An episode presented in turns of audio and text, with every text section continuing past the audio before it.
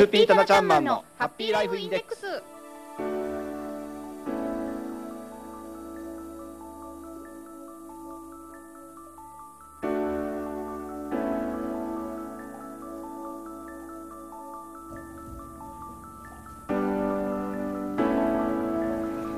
FP タナちゃんマンのハッピーライフインデックス。この時間はあなたの夢と未来をトータルサポートするライフサポート有限会社の提供でお送りします。私たちと一緒に明るい未来幸せな生活になるためのマネーライフを考えてみませんか？この番組では皆様からの疑問質問も受け付けています。宛先はメールにてお待ちしています。hama アットマーク p-wave.ne.jp ハマアットマーク p-wave.ne.jp です。皆さんのご意見をお待ちしています。さあそれでは早速今日も一級ファイナンシャルプランニング技能士ライフサポート有限会社代表のタナちゃんマンを呼んでみましょう。タナちゃんマン。はいこんにちは。棚橋です。今日も素敵なスーツでご登場いただきました棚橋さんです、はいよろしくお願いしありがとうございますお願いいたします。そういつもはねあの黒とか紺とかグレー系の、えーダークなスーツをお召しなんですが今日はねあのちょっと柔らかい感じのブラウン系なんですよね。そうですね。イメチェンですか？いや特にそうい。う認識はしてないんですけど。はーいおしゃれな感じのスーツで今日はご登場いただいてます。ありがとうございます。さて、えー、たなちゃんマン、はい今日はどんなお話を？そうですね。今日はですねおはい。聞きしてましたらですね、はい。えーこのミュージックテラスのはい。テーマが100円均一ということなんですそうなんです。けれども、今日ね100円玉記念日100円硬貨が発売に昭和ですか。30えっ、と2年かな？30えー、2年そうそう100円硬貨が発行された日なんですよ。そうなんですか。すいません、FP と私が知らなくて申し訳ありません。お金に関するプロフェッショナルのはい。タナちゃんマンでも知らないことがあったんですね。はい。すい。ませんでした。いやいやそんな。はい。で100円均一といえば、はい。あのーこのハッピーライフインデックスのね、はい。第1回目の放送でお話をさせていただきました。はい。為蔵くんおなんか覚えてますか？聞いたことがあるる名前ですけど。うーんとうーんと1回目でお話しいただいたことっていうとお金のなんかこう分け方そうですね。色分けしましょうって言われたおので、金の色分けの第1回目ね。あの、袋のそうことでしょうか？そうですね。袋分け家計の袋ですね。はい、100円均一でええ。売っておりますので、皆さんね家計管理ということで、ぜひ活用いただければなと思いますその袋の名前がためぞうくんなんですよねね。可はい愛いですね。そうですねなんかその袋は覚えてたんですけど名前を忘れてました。はい、あのお金の管理非常にいいねお金の管理方法だと思いますので、はい。えーぜひ活用いただければなと思います。なるほど。はい、ということでですね、えーもう今年もあとわずかとなってきておりましてね。そろそろ来年のね準備もされていらっしゃる方もいらっしゃるんじゃないかなと思いますけれども、はい。私はまだ全然してません。そうですか。もうぜひね、はい。ぼちぼちもあと20日ぐらいですからね今年もね。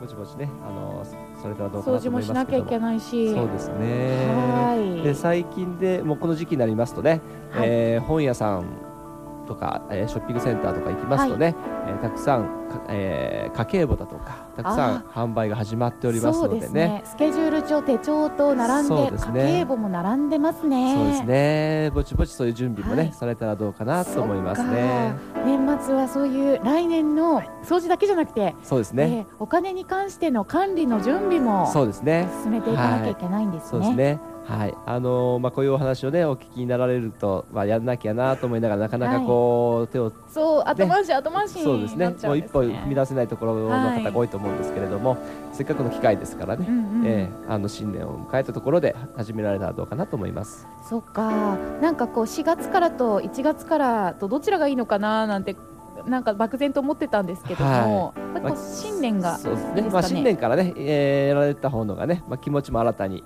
いけると思いますのでね。そうですね。ははい。い。そんなあのお金の管理方法としてやはり家計非常にうんあの重要だと思います。そうですよね。はいえっ、とこれは例えば一人暮らしの男性なんかでもつけた方がいいんでしょうかね。実は私のですね、はい手帳使ってる手帳非常に大きな手帳分なんですけれども、厚くてとても使い込まれている手帳です。ここにも実はですねお小遣い帳となるものを私つけております。ちょっとちょっと覗いちゃっても大丈夫ですか？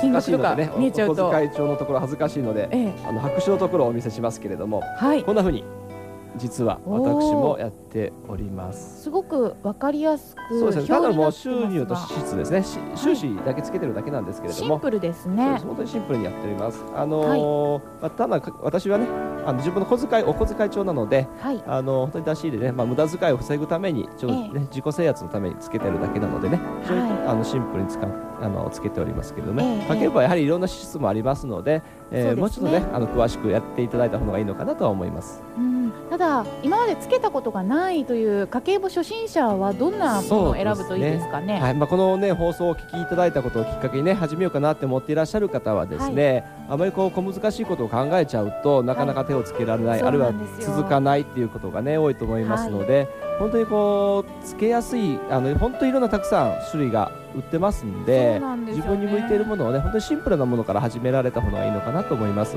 はい。やはり続けることが大事ですので、うんうんそういったものをね本当にシンプルなつけやすいなと思うものからはい。やられた方がいいと思います。あまり細かく最初から分かれすぎていないものの方がいいでしょうかね。そうですね、かえってプレッシャーになっちゃったりとか、はい。まあ、手間が、ね、かかりすぎちゃうとね、続きませんのでね、それでもまずはつけるというね、そのつけるという行為を続けていくことが大事かなと思いますね。はい、はい初めてまずは続ける。そうですね、それが大事なんですね。はい一歩踏み出さなきゃ私も。そうですね、ぜひ。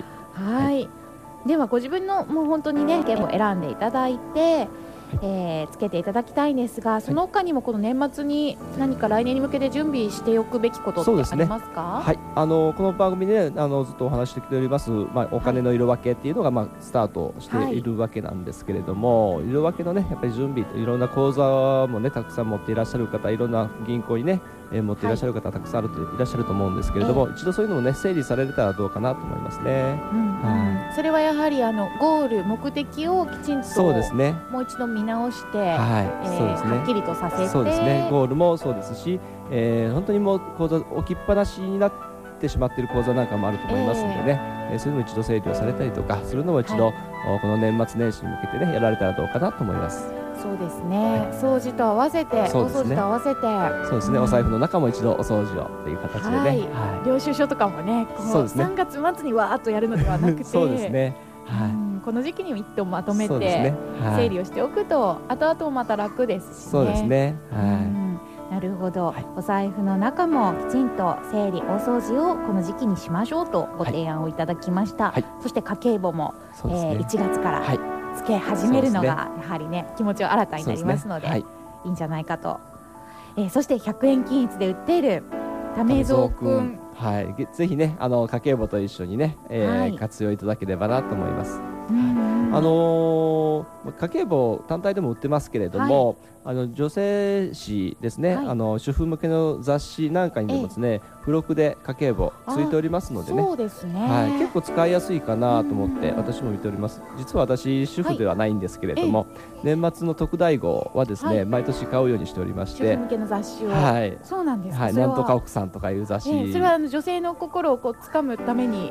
すわけではないんですけれども やはりお金の管理方法どのような形でですね。あはいのまあそういう雑誌でね掲載されているのかという、ええああるいは自分自身もねやはり勉強していかないといけませんのでねね。チェックはしております。えそういうえ付録でついてる家計簿なんかもすごくつけやすいものになってきておりますのアイデアでがいろいろこう搭載されてるんですよね。そうですね。うん。はい。いろんな方の意見とかを。ね、はい、で雑誌の中でその、えー使い方なんかも解説されておりますのでね、はい。初心者の方はそういうものを使っていただいた方があの入り込みやすいかなとは思いますね。気軽に始められそうですねと思います。はい。はいそして主婦向けにこう作られているのでそうですね。は、はい使いやすいんじゃないかなとい。思いますね。はい。なるほどではそのように身近にあるものからまずは利用してもらってそ,、はい。してね、続けていただくと、うんまあ、気楽な気持ちで始めて、ずっと続けていただくということがね、はい、目標にしていただければなと思います。はいわかりました年末、えー来年の準備やはり、えーお金そしてその管理方法についても整理をして新たな気持ちで始めましょうと。はい。はい、えーちなみに100均で今ためぞうくんがとっても便利ですよって、はい。ね、第1回目からお話しいただいてますけれども、はい。その他にあのータナちゃんマンがこうはい100均で、わこれ良かったなってものってありますそうかですね。結構私100均が好きでして、よよく行くんですけれども、えーそこで私はですねアロマオイルなんかを買ってねー。事務所で楽しんでますけれども。おしゃれですね。すいません趣味の世界で、えでもねあのタナちゃんマン名刺にもはい。アロマのそうですね。ちょっとはい。オイルというか、そうですね香りを染み込ませてあったりとはいすか、はすごくその辺がねあの気遣いが細かいところまであるんですよね。私は最初に名刺をいただいた時にとってもそれで感動しました。あありがとうございますはい、えー、100均に行くと私ついつい買いすぎてしまうんですけど、はいこれもあのお金の管理として。そうですね。やはりあの買い物に行かれるときはねやはええり目的を持って買い物に行っていただきたいですね、そうですね、はい。なんとなくふらーって見ているとどんどんどんどんそうですね。欲しくなっちゃ100いますよね。円でも買っちゃってもうそうですね。2000円ぐらいになっちゃったりすることがあるんで気をつけます。はい。はい、ありがとうございます。えー、たなちゃんマンのハッピーライフインデックスこの時間はあなたの夢と未来をトータルサポートするライフサポート有限会社の提供でお送りしました。浜園サテライトスタジオからお送りしました。たなちゃんマンのホームページもぜひ皆さんご覧くださいね、えー、ライフサポート有限会社にもぜひ皆さんお出かけください。生桑町にあります。それではまた来週このお時間にお会いしましょう。たなちゃんもありがとうございました。どうもありがとうございました。失礼します。